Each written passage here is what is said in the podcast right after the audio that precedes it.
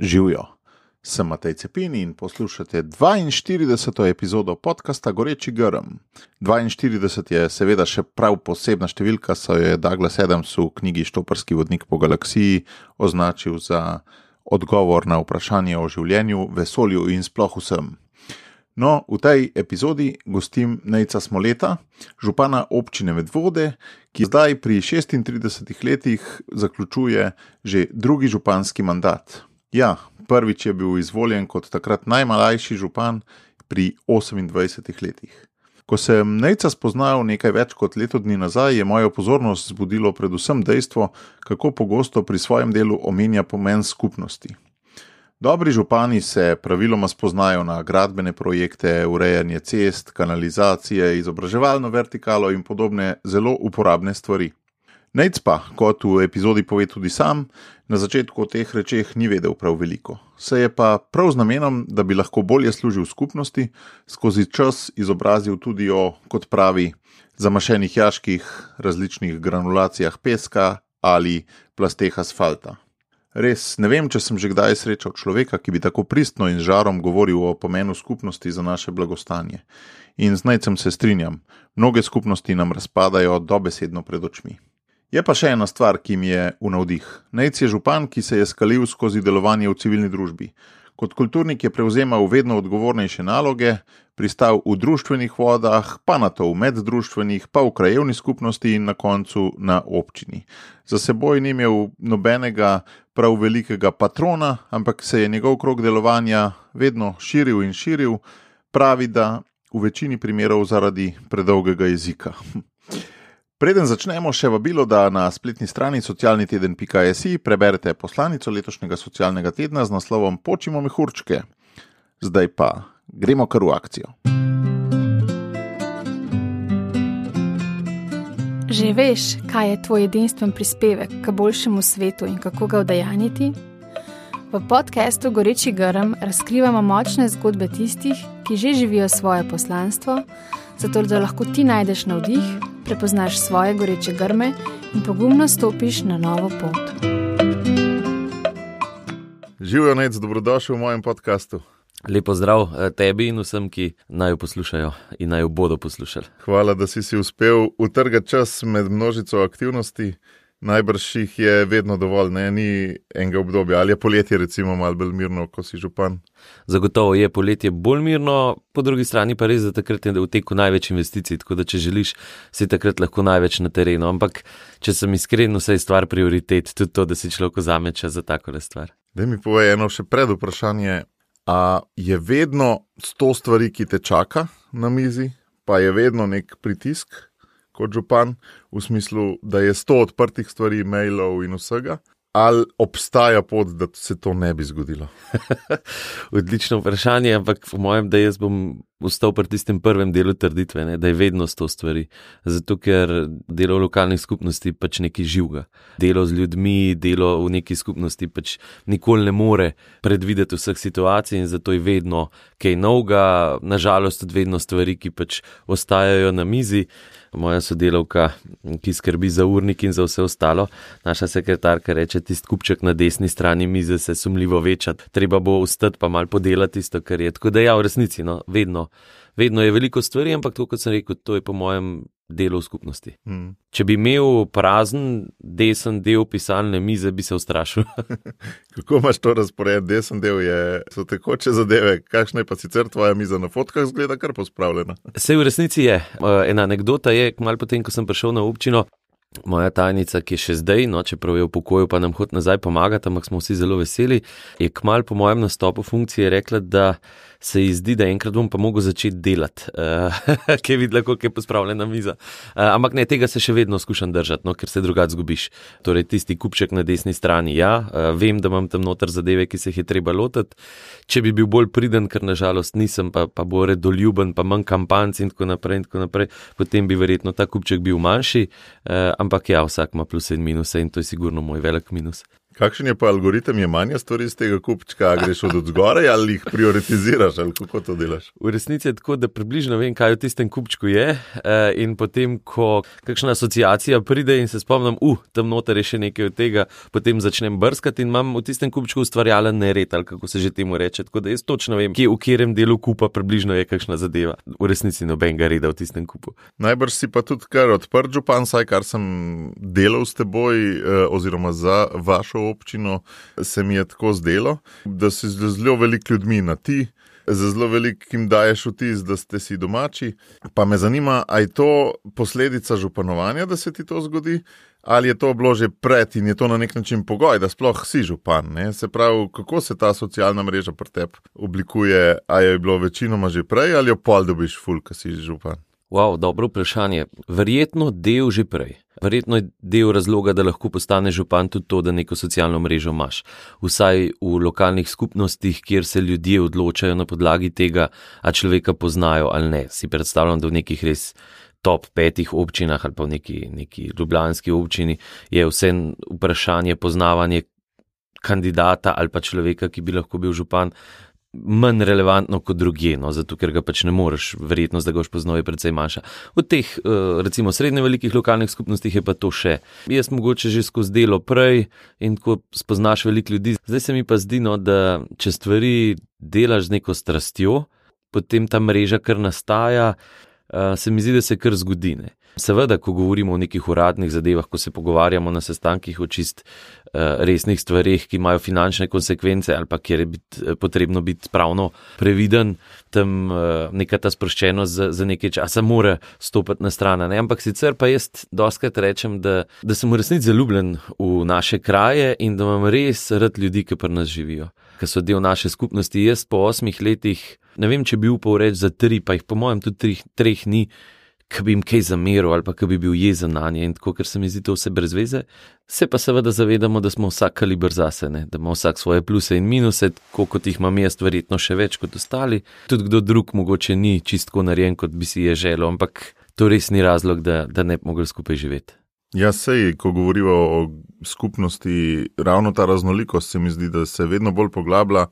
Um, da tudi pred petimi, desetimi leti, mogoče tudi COVID vpliv malo na to družbeno polarizacijo in tudi radikalizacijo. Ljudje vendarle so najbrž zelo drugačni, mnogi te najbrž zelo ne marajo. Ti si zdaj tako lepo, skoraj malo politično uglajeno rekel, ne, da vsak je pač po svoje človek. Ampak kako to zares doživljaš? Ali pa ko dobiš nek, ne vem, je hate speech tudi ali ne, ampak ali pa vsaj, ko dobiš neko res negativno, destruktivno kritiko kaj vse narediš, ker mnogi od nas, ki hočemo iz sebe kaj narediti, se soočamo tudi z ostro negativnimi kritikami. Ne? Politiki znate to malo bolj špohendlati. Ja, ali pa, ali pa smo mogoče samo politično korektni v govoru, vse to je res. Ne, uh, ne jaz sem po naravi. Notor ti pa piskar raznese. Ja, ja, ja, ja, ja, ja, in raznese in uh, piskar in vse. Ampak uh, jaz sem po naravi kolerik, to je dejstvo, to, to vejo vsi moji sodelavci, um, kar ne štejem nujno v minus.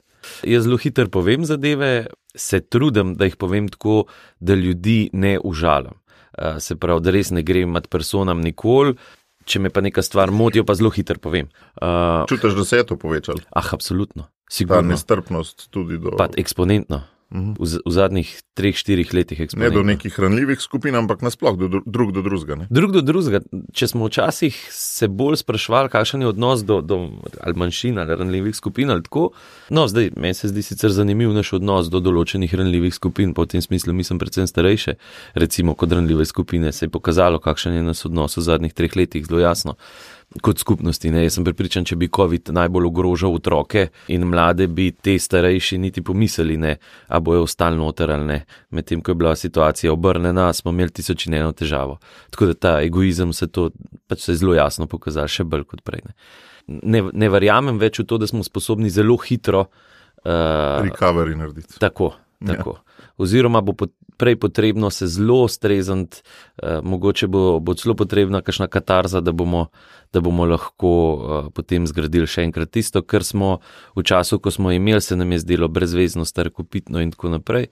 Ne bom rekel, da večina ali pa da mainstream to ugotavlja, ampak tisti, ki pa zelo veliko delajo uh, z ljudmi, pa sem vsaj tisti, s katerimi jaz govorim, več ali manj vsi opažajo, no, da smo tukaj zapluli v nek, v nek res svet, ki je popolnoma razvrednoten, kjer ni nekih tistih osnov, ki se jih da držati, in mogoče tisti starejši to manj opazijo, pri otrocih se mi zdi pa, da se bo to še bolj poznalo. Kam smo zajadrali noro, ampak res me zanima, ko dobiš eno porcijo svinarije na svojem krožniku. A ja, seveda, greva nazaj Em, na to. Kakšen je proces, kakšen je algoritem v tvoji glavi ali v čustvih, da, da politično uglajeno nazaj odgovoriš? Ja, A tu- moraš potlačati, pa pol žena faše? Ne. Hecam te. Ja, ne, ne to, zato sem tako direkt rekel, ker tega to se res uh, trudim, da ne. Tlačati se ne splača, ne? Em, Slej, ko prej dobiš nazaj. Ne? Kolerik tudi težko, zelo težko nekaj tlačne. Uh, ko, kolerik zelo hitro pove uh, in jaz to zelo hitro povem, zato sem res hvaležen za moje najožje sodelavce, ki so me sprejeli tako, kot sem. Brez njih ni teorije, da bi jaz karkoli sploh lahko delal. Včasih je najbolj spustiti eh, vrata zaprta pisarne ne pet minut, pol po petih minutah pa se začnemo pogovarjati, kako, zadevo, kako na zadevo odreagira. Čeprav no, v današnjem času, recimo, če govorimo o, o teh nekih situacijah, kjer ljudje reagirajo popolnoma nerazumljivo. No. Jaz, jaz ne razumem včasih, kje se to vse kupiče. Jaz doskrat rečem, da ljudje rabijo občino tudi zato, ker rabijo en ventil, kjer lahko vse slabo vam pride. Mal anekdotično, recimo. Ja, s tem, da je najbrž občina samo eden od ventilov. Ja, verjetno je res, no, verjetno je res, ampak jaz se doskrat hecam, ko zapade prvi sneg, recimo se te ventili vsi odprejo. Mm. Uh, se pravi, ko ni spluženo v prvih 15 minutah, pa če ravno sploh ne gre nobeden od doma, ali pa če ravno bi to pomenili sam, da morajo uh, vzeti lopato v roke, pa 5 metrov odmetati snega, to je že vir frustracije. ne, In to zvonijo telefoni. In ko, pol, ko se z ljudmi pogovarjaš, ugotoviš, no, kakšen telefon dejansko v takih momentih tudi kar prevzamem, ugotoviš, da jih sploh ni sneg zmotil, ne, ampak da so oni v resnici nezadovoljni s celim svetom. Tako da doskrat si zdaj rečem, evo, pa je to mogoče moj odgovor, malo dolgi trajal, da se trudim ne, ne soditi. Se pravi, da ne sodim več ljudi. Če sem, če sem dva mandata nazaj, sem začel na občini, mislil, da vem vse, zdaj vem, da nič ne vem. Ne? Oziroma, da pač ne vem, kakšen boj bije vsak izmed nas in zato skušam čim manj soditi. Pa tudi veliko poslušanja, ne poslušanja najbrž dati, ne, je dober recept. Zagotovo. Smislu, imaš dve ušesi, pa samo ena usta. Ne? Zagotovo to je ena modrost, nisem pa prepričan, če sem najboljši v tem. Župani, po mojem, ne slovimo po tem kot zelo, zelo dobri poslušalci, ker vsak, ki gre za županom, je tudi malega. No. Vsak, ki gre za župana, ti si šel za župana, pa me zanima, kako se je razvijal ta tvoj klic, če bi temu sploh to rekel. A bi ti rekel temu klic ali ne? Ja, bi, zagotovo. Si ga slišal prav, ali si postopoma ga izlegel kot sestavljal, ali kaj je bilo s njim? No, da bi glih rekel, da od prvega razreda naprej sem si želel biti župan, to bi se zlagal. Delo v skupnosti je bilo pa zagotovo nekaj, kar je verjetno tlakovalo pot pol za, za nadaljne odločitve. Ne. To, da so me v prvem razredu postavili na oder, pa iz odra nikoli nisem šel, to, da potem te jezik tepe. Kakšna je pa bila ta vloga v prvem razredu? V mojem času smo imeli še učiteljice, ki so zelo veliko dale na sodelovanje z lokalno skupnostjo in smo seveda nastopali od prvega razreda naprej na vseh proslavah.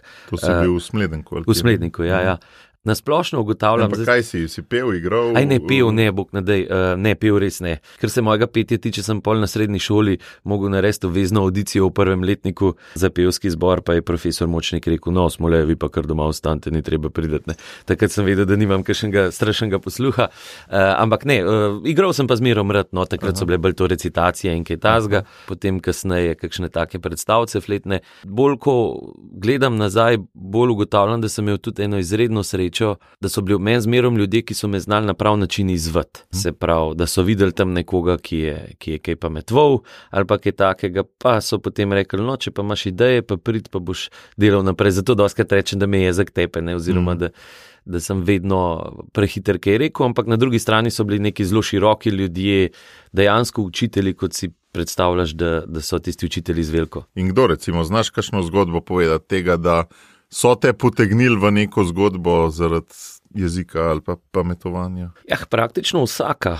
od osnovne šole pa aktiviranje v neki šolski skupnosti, kjer, kjer smo bili pametni, pa smo pa potem bilo rečeno, no, če pa imate ideje, pa pridite pa kaj naredite. To se je potem nadaljevalo v srednji šoli. Eh, Jaz sem imel tako zelo zanimivo izkušnjo s srednjo šolo, hodil sem na Škofijsko v Šentvit. Seveda, ko smo prišli v srednjo šolo, se je tisto, smo se vsi tisti odličnaki iz osnovne šole raztegnili spet od zadostnega ali pa ne zadostnega do odličnega in seveda jaz nisem bil pri tistih odličnih. Učnih. In seveda je bil to za me na začetku ogromen šok, res pa, da nisem imel nobenih učnih navad. Inač.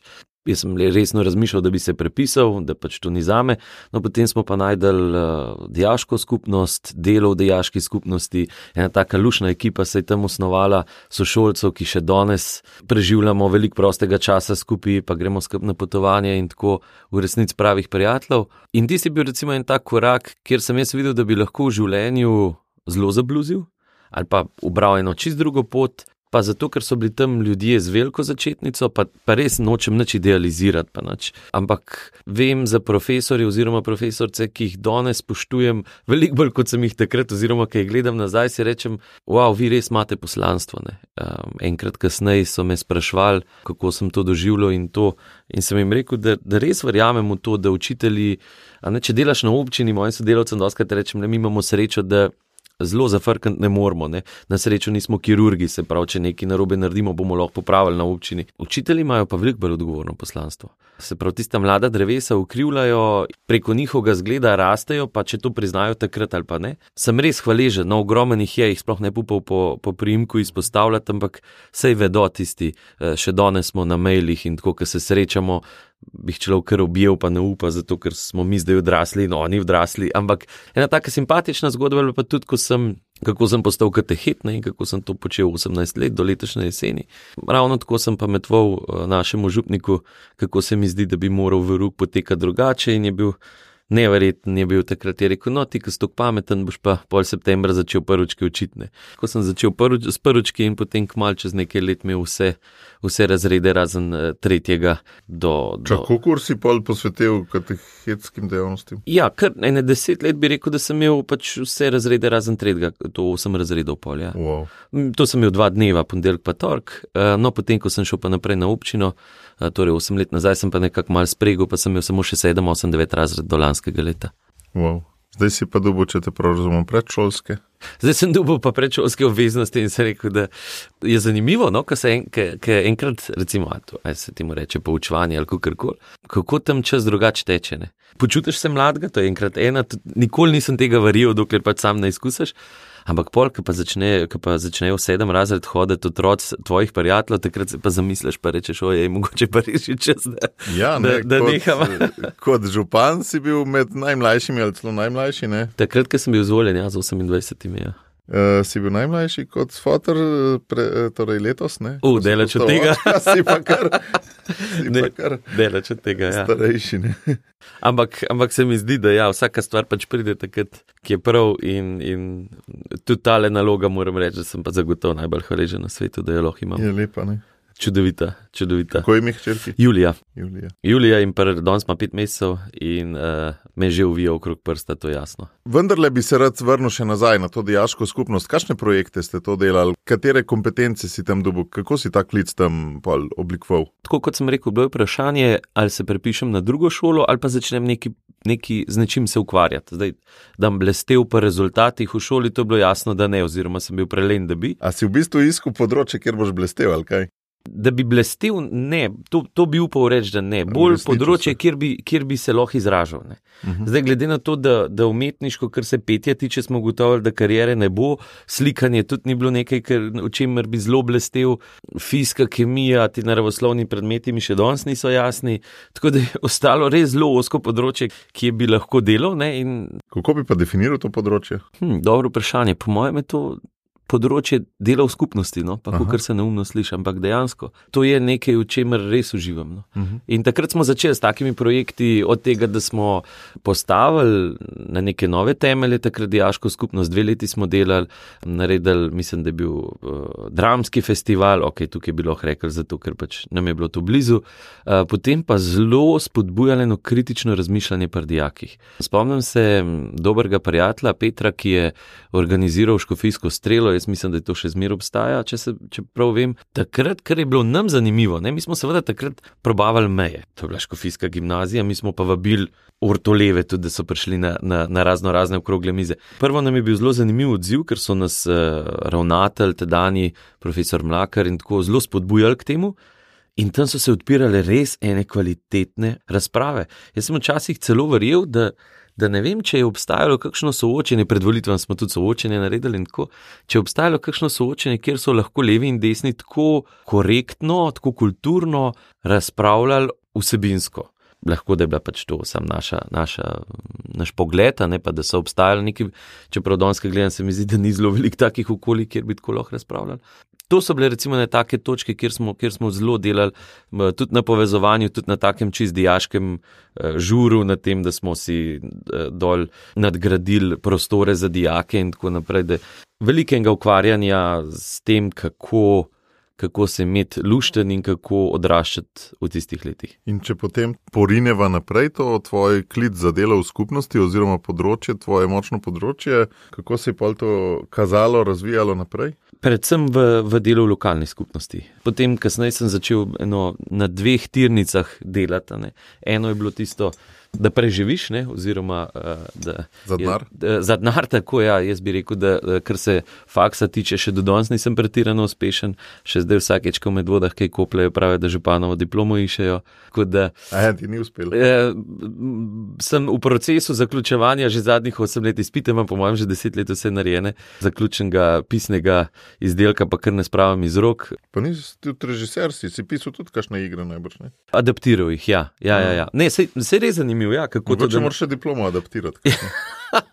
ja, sej pri diplomskem delu nisem prepričan, če ni res, ni, ni nekega strašnega intelektualnega napora tam noter, se so več ali manj se skoraj zahteva, da se citira. In, in ker pač na, na tem delu, recimo na študiju prava, mi ni bil tolik nek strašen izziv, se je to delo v, v skupnosti nadaljevalo. No. V društvih, po srcu sicer kulturnik, ampak drugače v turističnih društvih, pa lokalni turistični vodič, si vse čas upet v kraju dogajanje, potem tudi v domačo krajovno skupnost, pa potem, ko enkrat začneš na nivoju krajovne skupnosti delati, začneš prej slej razmišljati tudi o tem, da bi šel v občinski svet, pa si potem v občinskem svetu, pa imaš tam kakšen odbor, pa to čez in potem nekako pridemo do leta 2014. Kako ti je pa kliknilo, jaz bi pa lahko tole probal za župana? Kako se spomniš tistega trenutka, ko ti je kliknilo? Spomnim se tako, da sem takrat delal že nekaj let v, v Leku. To je bila meni noro lepa izkušnja. Tudi spet ena stvar, ki sem hvaležen vsem, ki so me tam spremljali.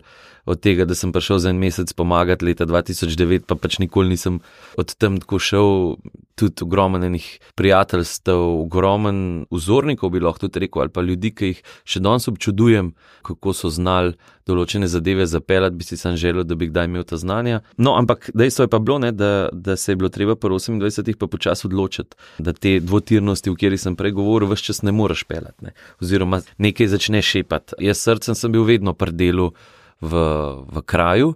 In spomnim se enega zelo odkritega pogovora v službi takrat, oziroma v Leku, kjer sem povedal, da pač bi se res rad stehtal. Pol leta, ali pa ja, dobrega pol leta kasneje so bile volitve, in sem, vse čas sem imel ta občutek, ok, če zdaj ne bom poskusil, uh, potem si bom celo življenje učitelj. Če zdaj poskusim, pa ljudje rečejo, da, da neke moje vizije ne delijo, nič hudega. Jaz ne bom šel v Savo zaradi tega, ampak bom čist lepo naprej živel, pa nikoli si ne bom več učitelj. No, in to je bila, in spet na drugi strani sem imel tako razumevanje, da so razumeli, da bi to rad poskusil, saj so me tudi poznali, saj so videli, da sem z glavo, mogoče včasih tudi kje drugje. In potem je spet ena skupina krasnih prijateljev, ki je rekla: Je pa dajmo probat. To je bilo v resnici. Oni so dali sebe, no, tudi. Ful. Meni, tudi, mislim, meni je ena stvar jasna, nobena stvar ti ne uspe zaradi tebe. Uh -huh. Če ti uspe, ti uspe zato, ker. Zaradi ekipe. Ne? Ekipa, skupina, ki, je, ki v to verjame in ta skupina mora biti ravno prav nora. Tako pozitivno nora, pa kjerkoli projekt celotaš. In potem se res naredijo čudežine. In ta ekipa je obstajala že odprej, ali se je formirala okrog neko jedro, že moglo obstajati? Ja, to so kulturniki. Ja, to smo bili, to smo bili igravci. Mi, mi sami sebi rečemo kulturniki, ljubiteljski igravci. Kaj sem rekel, kdaj, da je Metelkova prevzela občino? Sploh ne, zato ker eh, ne, mi smo. Mi smo bolj taki vaška liga, tako da smo precej, precej bolj predvidljivi. Ampak takrat, ko jaz še malo rovaram v to, ker je vendarle to naslov tega podcasta in pa mi kdaj kdo reče, vse je bil v redu gost, ne? ampak o gorečih grmih pa ni kaj dosti povedal. Ja. Ti, ki si imel misel, jaz bi se rad stehtal, je ta misel že bila v tebi. Ja. Enkrat predtem ti je pa najbrž mogel klikati, pa sploh dobiti si mogel to samozavest. Tole bi pa jaz probal, ne? sploh da si upaš probat. Težko bi rekel, da je bil to enkraten klik. Uh -huh. Jaz mislim, da se ti to dogaja skozi čas. Tako kot sem prej rekel, če, če delaš v skupnosti, potem vidiš pluse in minuse. In če želiš ene stvari izboljšati, pač uh -huh. potem vidiš, da moraš prevzeti odgovornost. Enostavno si šel na večji krogac. Ne? Točno tako. Se Ker vmes si bil tudi nek predsednik neke kulturne uh, zveze kulturnih društv, ne? to je že mal večji krogac. Ne? Tako, predsednik krajovne skupnosti, pa hkrati predsednik učinske kulturne zveze ki je združovala takrat deset društev uh, kulturnih v naši državi. To so že kar veliki krokci, pa najbrž si bil že takrat tudi v občinskem svetu. Pa, 20-2014 sem bil potem tudi v občinskem svetu. Ja. Tako da ja, so večji krokci. Koliko si bil ti star, ki si bil predsednik krajovne skupnosti? Uh, 28 minus 4, 24. Ker to so ponavadi neki taki brkoti, pa 60-ih, ki so ta glavni džombe, ti pa 24-leten mulj ki si poslušalci spomnimo, kaj smo mi počeli pri 24. Glih to mi je jasno. No? Ta tvoja pot do 24. da rateš predsednik krajovne skupnosti. Kakšna mladost je to bila? A ti si skozi se angažiral? Ja, samo to. Kaj? Ma ja, samo to. Mnogi mladi, ko pridejo v študentska leta, pa pol naprej, kaj do 30, pa tudi do 35, se jim kar mal razvoj ustav ne prevzemajo nekih odgovornosti. Ne? Ti si bi pa glih po obratni poti. Ne? Mogoče sem zdaj ravno kar odkril eno svetlo točko, ki jo moram ustrezno prezentirati mojim domačim. Torej, to je za, mogoče razlog v tem, da nikoli nisem bil resen, resen študent. Uh mhm. -huh. e, da, da bi zdaj zelo pridno na faks hodil in tako, jaz sem vedno se ukvarjal z drugimi zadevami. Ne? Ja. In, in nekega študentskega življenja v resnici nisem nekaj zelo velik izkusil. Pa se zaradi tega čisto če sekiram, ker je bilo toliko drugih stvari. Ampak ja, jaz mislim, da je treba je stvari tudi gledati z manj strahu.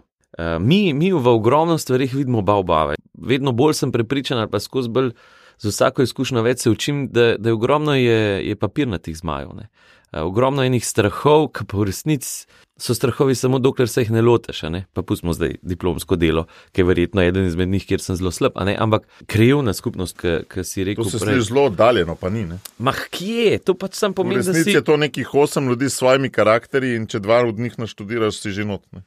Pa v resnici gre za to, da če si ti malo lokalno aktiven, pri tem, kako smo zdaj ratali apatični, ne?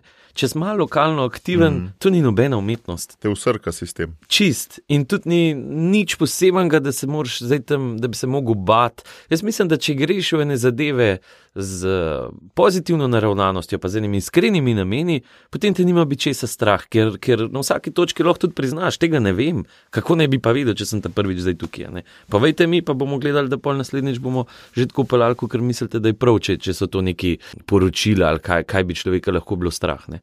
Vse ja. ostalo, kar je pa delal v skupnosti. Kaj bojo pa ljudje rekli, to je ponovadi strah. Ne? Mislim, jaz tukaj nekega strahu nimam, kaj bojo pa ljudje rekli. Naj se aktivirajo, pa naj začnejo delati, pa jo pa lahko sodili. Do takrat pa za neke kavč komentatorje se pa ja, meni zdi, da je brez veze se sekirati. Če ti nimaš nek, očitno si imel neko notranjo samozavest. Ne? Ja, verjetno ja, no, to, bi, to bi rekel, se tako sem prezaj. To, kaj je zdrava stopna samozavesti, kje zdaj prideš v nezdrav del, da ne rečem temu, kako drugače. To, po mojem, je tudi zelo pomembno, da se znaš v ogledalo gledati in vse čas spraševati, do kje gre. Ampak ja, en del samozavesti sigurno mora biti za to. Konec koncev tudi izpostavljate, vsaka ta zadeva je, je točka javnega nastopanja, ampak tukaj je pa gotovo, če se pogleda nazaj, res spet ena velika zasluga učiteljev. Ne? Da te znajo opolnomočiti, pa kar se to neumno sliši že v osnovni šoli, da, da ti znajo reči, da imej svoje mnenje. Ko sem jaz zdaj spremljal generacije teh 18 let, ne sploh zdaj le zadnjih 8, sem imel 7, 8, 9 razred. Spremljaš generacije, ki, ki so čist frapirane, ki jim rečeš, da v 9. razredu bojo pa pisali sej. Kaj to je sej, zakaj bomo pisali sej? Ja, zato, da boste znali stati za svojim mnenjem, pa ne mi razlagati, zdaj tiskar mislite, da morate pisati zato, ker ste pač prvi ruko, ampak stojite za tem, ker je. Ja, prvi ruko so ti pisali. Ja, ja, ja, ja, jaz sem zelo staromoden, jaz sem zelo staromoden, ker se tega tiče. Um, je bila tudi ena anekdota, da je, da je prišel en obisk v, v župnišče iz Škofije in je sprašval našega župnika, kaj je to čevlov v, v predverju. In je rekel, da ima necve rok, in je rekel, jih je podavil, eh, da je taka tišina, ampak pravi, ni res še tista old fashion, se pravi, eden govori. Ampak hkrati smo se imeli, pa vsaj meni se je zdelo. Da, da smo res odpirali tudi s temi mladimi, ki se sprašujejo ena vprašanja, ki so za njih zelo pomembna, pa ne vem, če jih znamo še nagovarjati. Ne. Deveti razred o tem, kam bojo šli, kaj, kaj je njihov cilj, oziroma kaj je njihovo poslanstvo pač šole to ne bom trdil, ker poznam premalo, da bi lahko karkoli sodel, ampak občutek sem pa imel, da se ne znajo več tega lotevati. Ne, tega tak, predmeta ni. No, to ne poznam, Ne. ne? se pravi, sem zdaj z vrtcem začel ukvarjati, počas ne, eh, šolo Ne, res pač premalo poznam, da bi upal Zdaj soditi. se No. karjerna orientacija uvaja ne, počas v šolski sistem, pol pa življenjska orientacija je pa še mal bolj problematična kot karjerna orientacija, ker o karieri ajde se sme govoriti v javnem prostoru, o poslanstvu pa o ne, takih stvarih, kot lele govoriva, je pa kar mal težko. Ne. Ja, jaz sem vedno skeptičen, kadar slišim, da se uvaja nekaj novega, pa ima tak ime, ime predmeta, da ga že pol ljudi ne razume. Se mi zdi zelo pomembno, da stopimo spet korak nazaj. Tako. Pa da se kdo s temi mladimi zna, pa hoče pogovarjati. To ni treba neke jedrske znanosti iz Tako. tega delati. Dost je samo, da se jih posluša in te otroci danes so res mrsikdaj tako zgubljeni. Toliko enih stvari jih bombardira, ampak oni v resnici, nobeden se z njimi ne usede, pa jih ne posluša. In, in če se sam tam ustaviš, pa, pa, pa samo to, mogoče bi mogli tudi kot družba na tem res veliko več delati. Pa brez nekih strašnih, ne vem kaj vse, ampak sam vse se pa te mlade poslušati, pa učiti jih, da imajo lahko mnenje, pa da morajo imeti mnenje. Pa se sprašujemo, zakaj to pada od udeležbe na volitvah do neke pardon, aktivne participacije in vse. Ja, zakaj? Zato, ker se nobeden mladim ne reče, da je to vrednota. Da je to, ma ne samo vrednota, to je dolžnost vsakega človeka. Odkar smo z jam zlezali, je to naša dolžnost, da povemo. In, in če enkrat, po mojem, tako gledaš pol tisto, kar smo na začetku govorili, ne, da je mogoče politično korektno, da je vsak ima svoje napake, pa, pa se imamo vsi radi. Ampak v resnici tako je. Ne?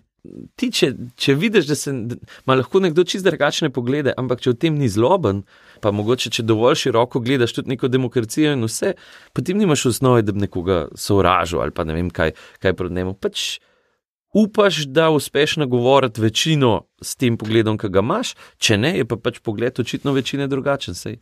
Daj povej, kako se z županskega mesta sploh vidi ta aktivna participacija občanov. A so skozi eni in isti, ki participirajo, pa je pa velika večina nemih, ali se da, samo moraš iti od hiše do hiše, pa si full časa vzeti, pa je to itak misija nemogoče. Kako zgleda z tvojega vidika ta participacija pa gradnje skupnosti? Zdaj prideva v del pogovora, kjer mogoče ne bom zelo optimističen. Ne. Mhm. Od hiše do hiše je ne mogoče, sploh v skupnostih, ki so mal večje, mogoče v teh nekih mikro okoljih še lahko. Pričemer je zdaj spet vprašanje, koliko sploh še od hiše do hiše hodimo, koliko se pa sosedje poznajo, koliko pa sosed ne bo čuden gledal, če prideš k njemu, pa, pa mu nekaj težiš za neko zadevo. Drugo, drug del, ne, uh, okrog tega, kolikšen je procent ljudi, ki so aktivnih, doskrat rečem na, na razno raznih dogodkih, ki jih imamo, da v medvodah, mislim, da je 17 tisoč nas je, od tega istih tisoč gledam povsod. Pa to mislim sicer zelo pozitivno, do unih tisoč. 6%. Ampak, a ni žalostno, da je pač. Pol tudi nisem čist pripričana, je žalostno ali ni žalostno, to pač stanje tako je. Ne? Jaz doskrat rečem še hvala Bogu, da imamo teh tavžant, ker če še teh tavžant ne bi bilo, pa, pa, pa potem bi bilo pa vladanje sila enostavno, pa kjerkoli. Vprašanje pa, če bi sploh imelo še kakšen smisel. Ne? No in tukaj, kot sem prej rekel, nisem pretirano optimističen, ker se mi zdi, da aktivno delo v skupnosti, se neka zainteresiranost pada, ampak res rapidno pada. Razlogov je pa več, no se mi zdi.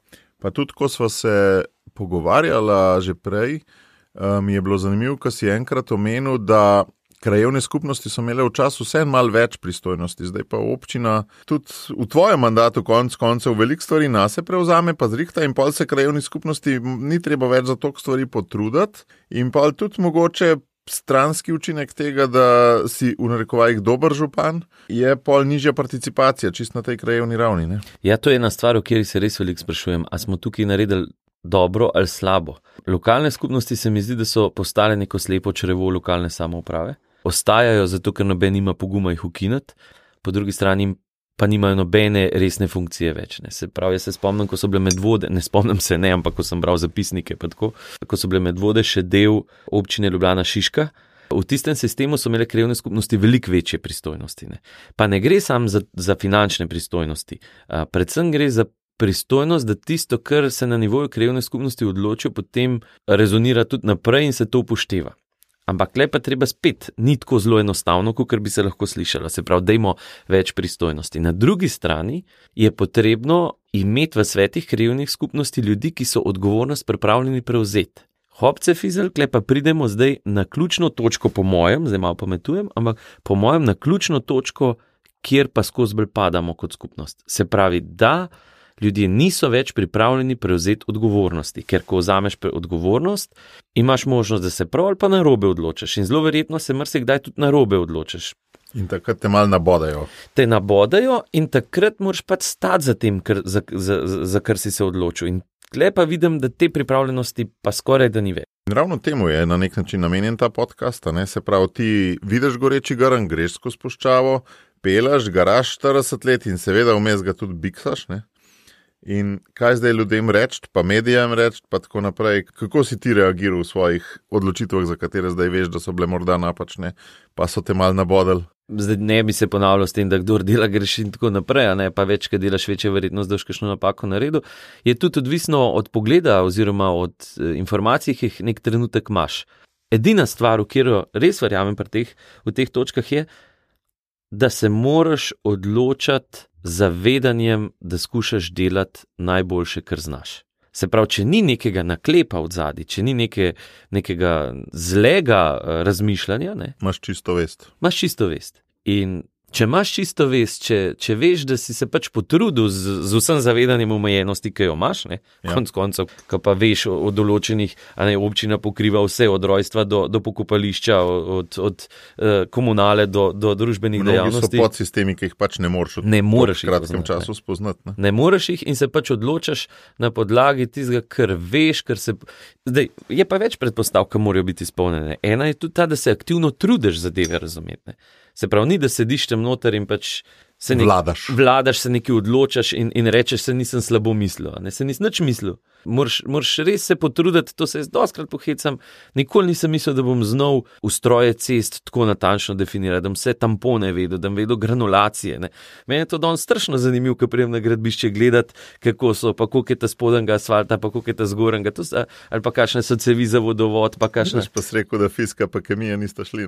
Zdaj, ne, se, ja, zdaj tako v praksi razumem, se, če bi kaj več mogel povedati, sem spet mrzel. Ampak se trudiš, ne, se, se poglobiš in zdaj, če ti greš s tem pa karkoli delaš, to ni samo županski posel, to je vse po mojem življenju. Če ti to delaš z eno strastjo, z eno odprtostjo in si se pripravljen malo učiti, pol stvari grejo, zato ker je svet tako narejen, da grejo. Ne znam, ne znam razložiti, mm -hmm. zakaj grejo, ampak pač preprosto vem, zdaj že upam reči, da vem, da bodo šle. Ej, je pa res toliko velik sistemov, po mojem občina.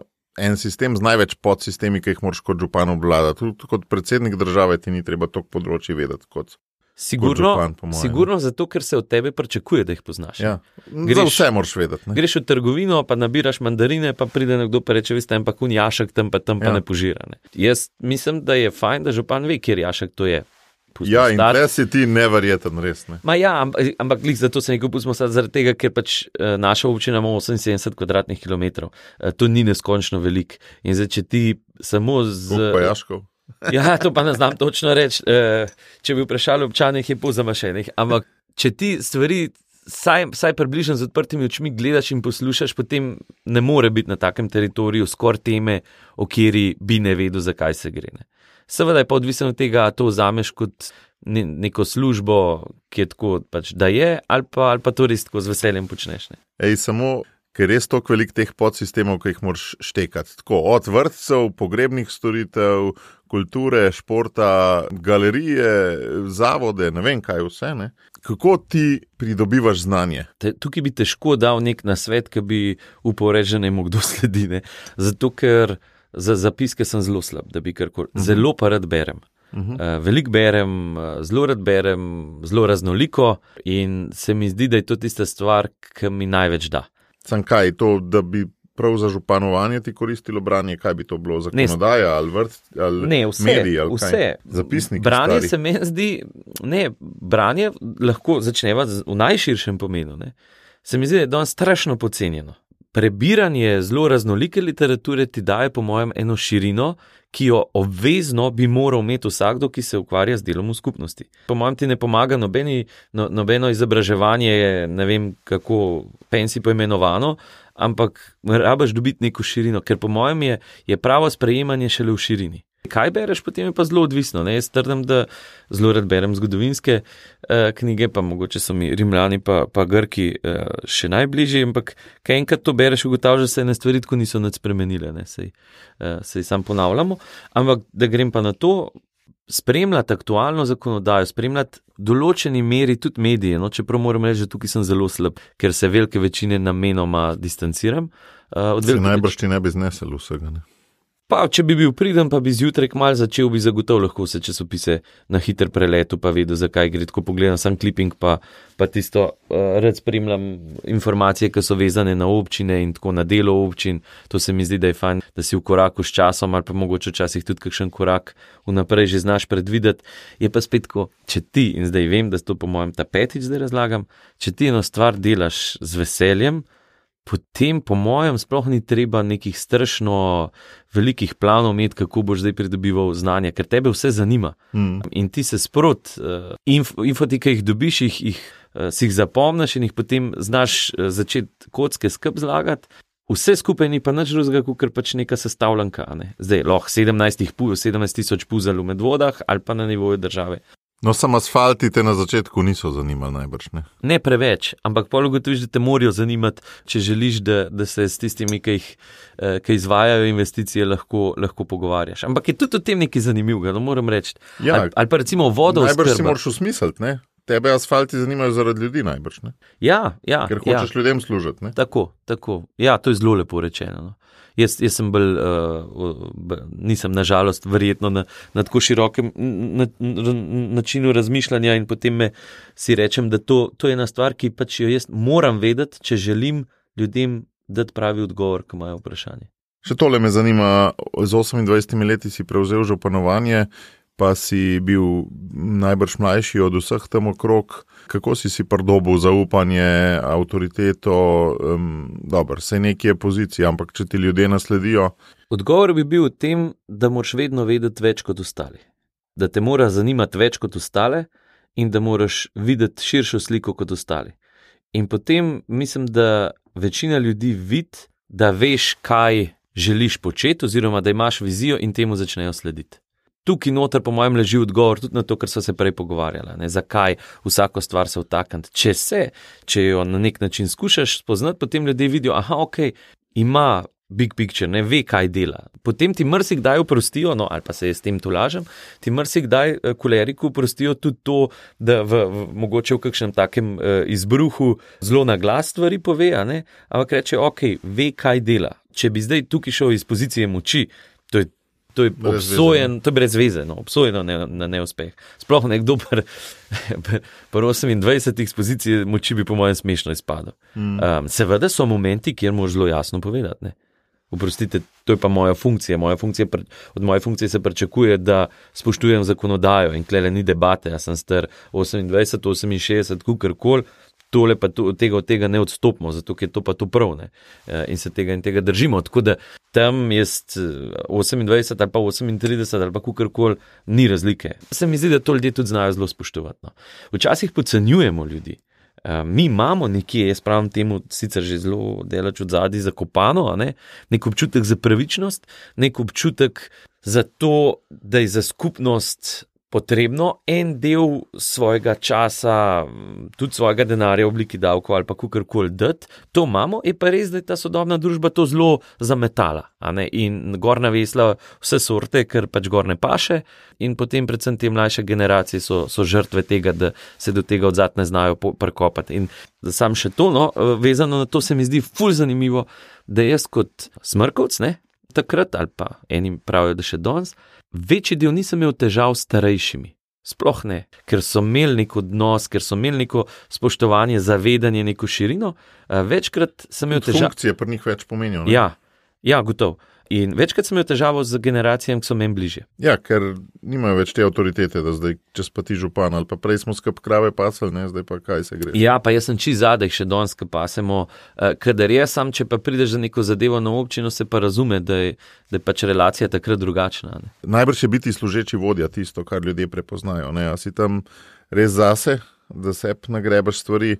Ali iskreno prideš in hočeš pomagati. Ne? To, po mojem, se tudi dokaj hitro spozna. Ne? Ljudje so pripravljeni tudi danes, mrzkakšno stvar žrtvovati za skupnost, če imajo občutek, da je zadaj meter za vse enako dolg. Ja. To ljudi danes najbolj boli. da imajo občutek, da so izigrani, da, da če niso dovolj ustrajni, da če niso často dovolj nesramni, ne bojo dosegali tega, kar je. Ko vidijo, da, je, da se da za eno dobro voljo, pa s tem doseči ravno tako, kot če vsak teden sednarijo na občini, mm. da bojo dosegali isto, potem hitro pridejo nazaj k temu, da, mm. da je skupnost nekaj, kar potrebujejo in da so za, za njo pripravljeni tudi nekaj dati. Je pa pri tem treba biti zelo, zelo strikten, ker se stvar zelo hitro podere. Zdaj, vsaka skupnost pa potrebuje tudi neko identiteto, neko barvo, neko okus. Ne? In pri medvodah ti si sicer zelo zaljubljen v te vaše, kraj, v vaše kraje, in verjetno je tudi to po svoje sreča za te kraje, da so tebe dobili, tudi kot turističnega vodnika in tako naprej. Zato, ker izziv medvod bi lahko bil, da je nek privesek ljubljene brez lastne identitete. ja, se, ja, res je. Ja. V pogovorih z župani, ki so župani recimo tisočletnih mest, rečem, veš, ti daš gor insignije, se pravi tisto župansko verigo in te pokrog vratu leže tisoč let zgodovine. Ja. E, medvode sploh nimajo županske insignije in medvode so nastale več ali manj po letu 45 z razvojem industrije. To je plus in je minus. Minus res v tem, da neke skupne identitete ni, da jaz sem smlejc oziroma iz Šentomprge, iz Valburge in sem še vedno, če ravno zdaj le nekaj časa v medvodah, še vedno najprej Šentompržan, potem Šentomprc, Smlejc in tako naprej. Se pravi, ta mikrolokalna identiteta je pri nas kar močna. V vseh je najbrž več kot ja, v tem novem ja, središču. Ja, zagotovo. In to je, to je en velik izziv za, za medvode, ker s čim pa se kot občan medvod lahko poistovetim, kaj je tisto, kar je. Zgodovina, nažalost, samega mesta ne. ne. Medvode so mesto postale leta 2006. Po drugi strani pa to ena neskončna priložnost in to vse čas govorim na občini, da mi lahko delamo poteze v prostoru, ki jih mrsikdo drug ne more. Se pravi, ne vem, pred dvemi ali tremi leti. Meni je stvari tudi z dediščino zaščitenih. Ja, ja, čeprav jaz bi si želel, ker imam to zelo rad, da ja. bi bilo tega več, ampak po drugi strani pa lahko predvsej bolj drzne poteze potegneš pa lahko zarezonirajo samo dobro, zato ker je tam nek prej degradiran prostor, ki mu nameniš drugo vrednost. Tako. tako da to ni vedno slabo, no to hočem reči. Je pa res, da se treba pri vsakem projektu, ki ga delaš, vprašati, se sliši zelo patetično, ampak se res trudimo, da bi se to sprašvali, a s tem gradimo našo identiteto, a s tem skušamo, pa čeprav na. Pa duha tudi, ne? Absolutno. Sej, skozi, mislim, da identiteta ali pa je pravzaprav nek predpogoj, no, ali, pa, ali pa nek sopogoj tega, da, da ti začutiš duha skupnosti. Mm. Duh skupnosti ni samo vprašanje, po mojem mnenju, identitete, ima ogromen drugih stvari, ki ga ogrožajo, mogoče celo bolj kot to, a je identiteta razvita ali ne, ker se lahko si pa ta užant let, pa si zagaman, uh, tako da se kamor neč ne more premakniti, oziroma se je težko živeti. Duh skupnosti, jaz mislim, da zdaj v tem času, v trenutnem času, veliko bolj ogrožajo druge stvari. Potrošništvo da ne. Ma ja, sej ne bi tukaj eh, se ponavljal, ker verjetno to je tako zelo rabljeno, že ko v nepodnebne mm. spremembe. Ne? Pa tudi nisem vedno prepričan, ali je potrošništvo odgovorno. Ali je mogoče sam to, da smo ratali leni, mm. da smo ratali intelektualno tako leni, da je to noro. Odgovorno za tisto, kar bi morali sami v življenju narediti. Mm. Prelagamo kar na nekoga drugega. Zelo radi, se mi zdi, slovenci, ne vem, ker Slovence se mi zdi, da poznam, ostale ne morem soditi, zelo radi to na državo ali pa v mikroskupnosti na občino. Ne, če se ti ni v življenju nekaj zgodil, zaradi česar imaš resno težavo in si zdrav in čist normalno pameten, potem si ti dolžen skupnosti dajati. Medvode imajo recimo to težavo, ki je bilo prej rečeno, um, privesek Ljubljane bolj v smislu te suburbanizacije, tega, da, da se ljudje iz mesta zelo radi priseljujejo na tako zvano podeželje, če je to še podeželje. Vprašanje pa, koliko se s tem zgublja duh skupnosti, ki je tam živela. Pa nočem biti nič žleh do tistih, ki nam pridajo, mm. sem pa do njih doskrat kritičen, ker se mi zdi, da razumejo skupnost, nažalost, mnogi, kot bi prišli v trgovino, kjer si spolic zbirajo tiste, ki jim pašene pa ne gre tako. Seveda, jaz razumem, da imate take in take in take zahteve, čeprav bi včasih tudi lahko gledali, kaj išete, kam so te preselili. Uh, ne, ne, da takrat gledate sam čim nižji komunalen prispevek, pa tako naprej, ampak da se gleda cel paket, ki ga dobiš. Predvsem, doskrat rečem tem ljudem, ki se pol doskrat tudi pridejo, ki pritožvati, da ti od skupnosti lahko zahtevaš samo toliko, kot skupnosti daš. Vse ostalo je parazitiranje na račun skupnosti in mora nekdo drug toliko več narediti, zato da ti na tem lahko parazitiraš. In to je pa vprašanje, ki bo, po mojem mnenju, ključno v naslednjih petih do desetih letih, če želimo kot država preživeti. A bomo razumeli, da moramo priti nazaj. Ne? Danes je čas socializma full demoniziran. Jaz ne vem, jaz nisem, ali pa tiste tri leta, sem bil star, ne vem, kako je to bilo, pa nič ne vem. Pa, pa izhajam iz družine, ki je bila politično čist neopredeljena in tako. Ampak ene stvari so fajn funkcionirale. Ene zadeve, tako kot jih jaz poslušam, pa razumem, da je, da je kar gledaš nazaj, doskrat povezano z nostalgijo. Ne? Ampak en občutek za skupnost je bil pa čist drugačen kot danes. In jaz mislim, da bomo na tem mogli zelo, zelo delati. Najbolj generacije, moje generacije, mm. pa generacije pet, deset let starejše, da ne govorimo o njih mlajših. Ne. Ja. Če, če ne bomo tukaj radikalno prerezali in začeli nehali, nehali jaz temu rečem, brbletke v tri dni, ker, ker smo ful pametni teoretsko, ampak praktično vsak dan z vsako gesto, ki jo naredimo, za me je gesta dela v skupnosti se začne pri tem, da se nekdo v lokalno skupnost presel, a pride mimo zelo živahne, tudi po, po zaslugi društev, ki so živa, čistilne akcije. A ti peleš svoje otroke, pa čeprav si prišel lansk let k nam, pa nisi noben, nisi umpaca, ki odpre šipo v avtu, pa vrže ven, piksno. A greš na čistilno akcijo, a daš svojim otrokom vedeti, da ja, prvo, kar je, ne boste svinjali, zato ker to, se to, ne, da se ne spodobam, se ne počne. In drugo, niste vi tisti, ki ste to metali, ampak mi gremo zato, ker si želimo, da tukaj, kjer živimo, da je lepo. Mm. Ne vem, pol koga vprašam, ki se pride pritožvati, jaz imam ponedeljkih te ure za učane. In ga najprej vprašam, a pa ste bili kdaj na čestilni akciji, ne? pa me gleda, kaj tele v nova vrata. Ja, tukaj se začne. A ste član kakšnega društva? Jaz ne pravim, da vsi morajo biti člani nekih društv, pa to čem to.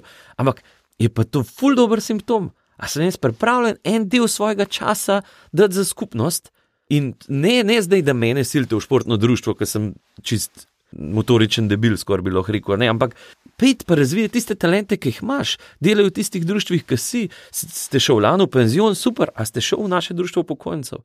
A jim, a jim znani, ki jih imate, pomagate, da bojo lahko organizirali izlet, da bojo lahko ne vem kaj vse. A ne tukaj je tisto vprašanje.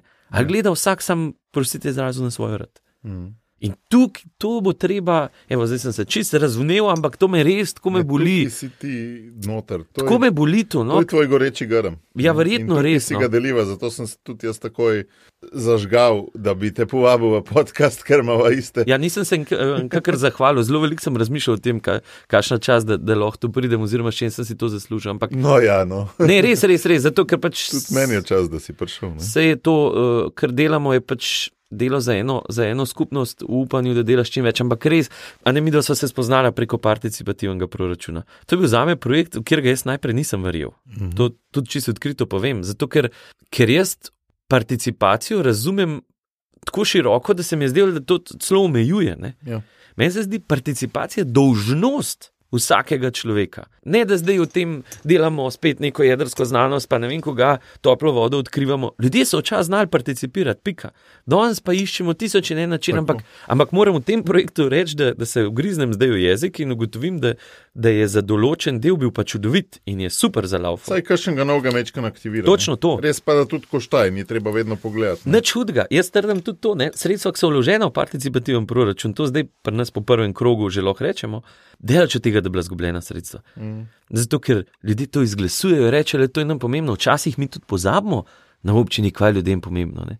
Mi, mi gremo v tisti maniji velikih projektov mm. in tega, kaj treba vse rešiti, čist mm. pozabimo na, na otroško igrišče. Mm. Ljudem je otroško igrišče včasih veliko bolj pomembno, kot to, ali bo zdaj tam tista cesta čist na novo poflikana, oziroma na novo narejena, ali se bojo pač po njej še dve leti vozili. Mm. Tako kot sem prej rekel, mrzkakšno stvar smo pripravljeni potrpeti, če imamo občutek, da smo slišani, da lahko participiramo. Tako da ja, tukaj no, ta izziv res mal sem zdaj že dolgočasen, ampak se mi zdi, da je res ključen, ključen, veliko bolj pomemben, ker sto drugih neumnosti, o katerih kot družba razpravljamo in, in posvečamo čist preveč časa in o tem bi se morali pogovarjati. Kako ustvariti med nami toliko zaupanja, da bomo z veseljem dajali skupno dobro? Zelo lepo rečeno, ja. In zakaj se ti mostovi zaupanja skozi podirajo? Kdo pomaga, da se podirajo? Mogoče kdaj tudi reči, da pa ta je odgovoren za to, da se, da se podirajo. Jaz z vidika lokalne skupnosti sem mrsikdaj nesrečen, ko gledam, kako se župane označuje kot neke lokalne šerife in tako seveda je kakšen. Gotov je, ampak najte mi skupnost, kjer ni 1-2%, tako ali drugač devijantnih je, ampak na podlagi teh ne moreš soditi. Vidim pa ogromen pozitivnih norcev, ki rinejo, rinejo, rinejo in bi vse dal za to. Vse v tem smo včasih tudi res lokalno malo omejeni, e, tam se preklamo in vsak za tisto svojo e, vleče. Čeprav meni je to čas kar simpatično, no, ni, ni nekega takega, kot sem prej rekel, ni nekega zlega naklepa od začutiti. In se, se lokalne skupnosti zelo zapostavlja, to delo na lokalnem nivoju, zavedanje, da lokalni pa ni zdaj, da ne lobiram za višjo povprečnino, pa ne vem kaj, ampak. Ljudje 80% stvari, ki jih v, življe, ki jih v nekem osnovnem tiče, življenju, ne? ja. ki se jih dotikajo, so povezane z lokalno skupnostjo. Obramba, zonanje zadeve, notranje zadeve, tudi relativno malo, uh, in tako naprej, se ljudi v njihovem življenju presnet malo dotikajo. Vprašanje osnovne komunale, vprašanje vrca, šole, knjižnice, tudi pokopališče na koncu, če hočete, je tista stvar, ki običajnega človeka v, v nekem običajnem življenju se pa zelo, zelo dotika. In če pomislimo, kolikrat so te teme izpostavljene v naših pogovorih ali pa v nekem dojemanju javnosti, da nam izreko besede mediji, politiki, ne?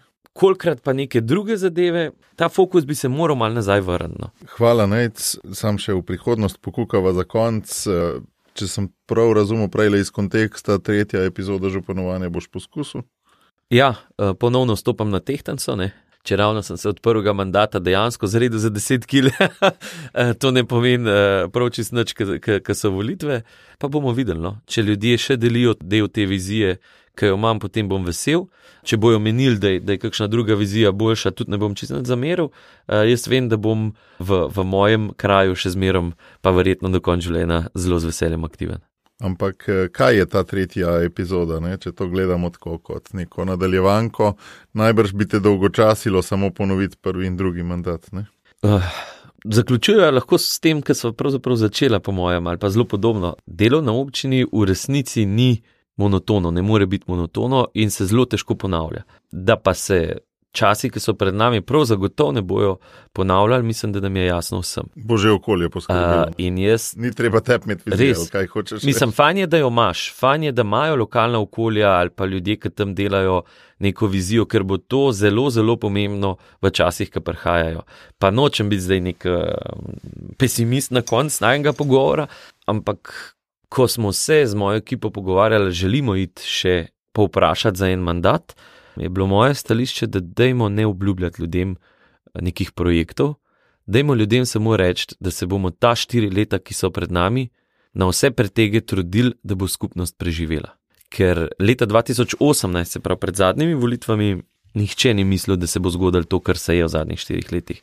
Pred temi volitvami si ne znamo predstavljati, kaj se bo v naslednjih štirih letih zgodilo. Ja. In delati zavedanjem, da pletemo mrežo lokalne skupnosti, ki bo v vsakršni življenjski situaciji ujela človeka, da bo poskrbela za tiste, ki so najbolj ranljivi, da bo se trudila, da tudi tisti, ki se poslavljajo, ki so umirajoči, da lahko z nekim dostojanstvom se poslovijo v svoji skupnosti in da bo imela prostor za tiste najmlajše, jaz mislim, da bo to največja kvaliteta skupnosti v prihodnih letih. Mogoče je pa pol vizija to, da bi skupnost v naslednjih štirih letih postala odporna na šoke iz zunanjosti. Zagotovo, če bo hotela preživeti, bo po mojem morala postati. Hvala, Najc, res je bil navdihujoč pogovor. Hvala, tudi jaz sem zelo vesel, da sem lahko bil del tega pogovora. Upam, da pa res eh, kakšna stvar eh, ostane in odzvoni komu.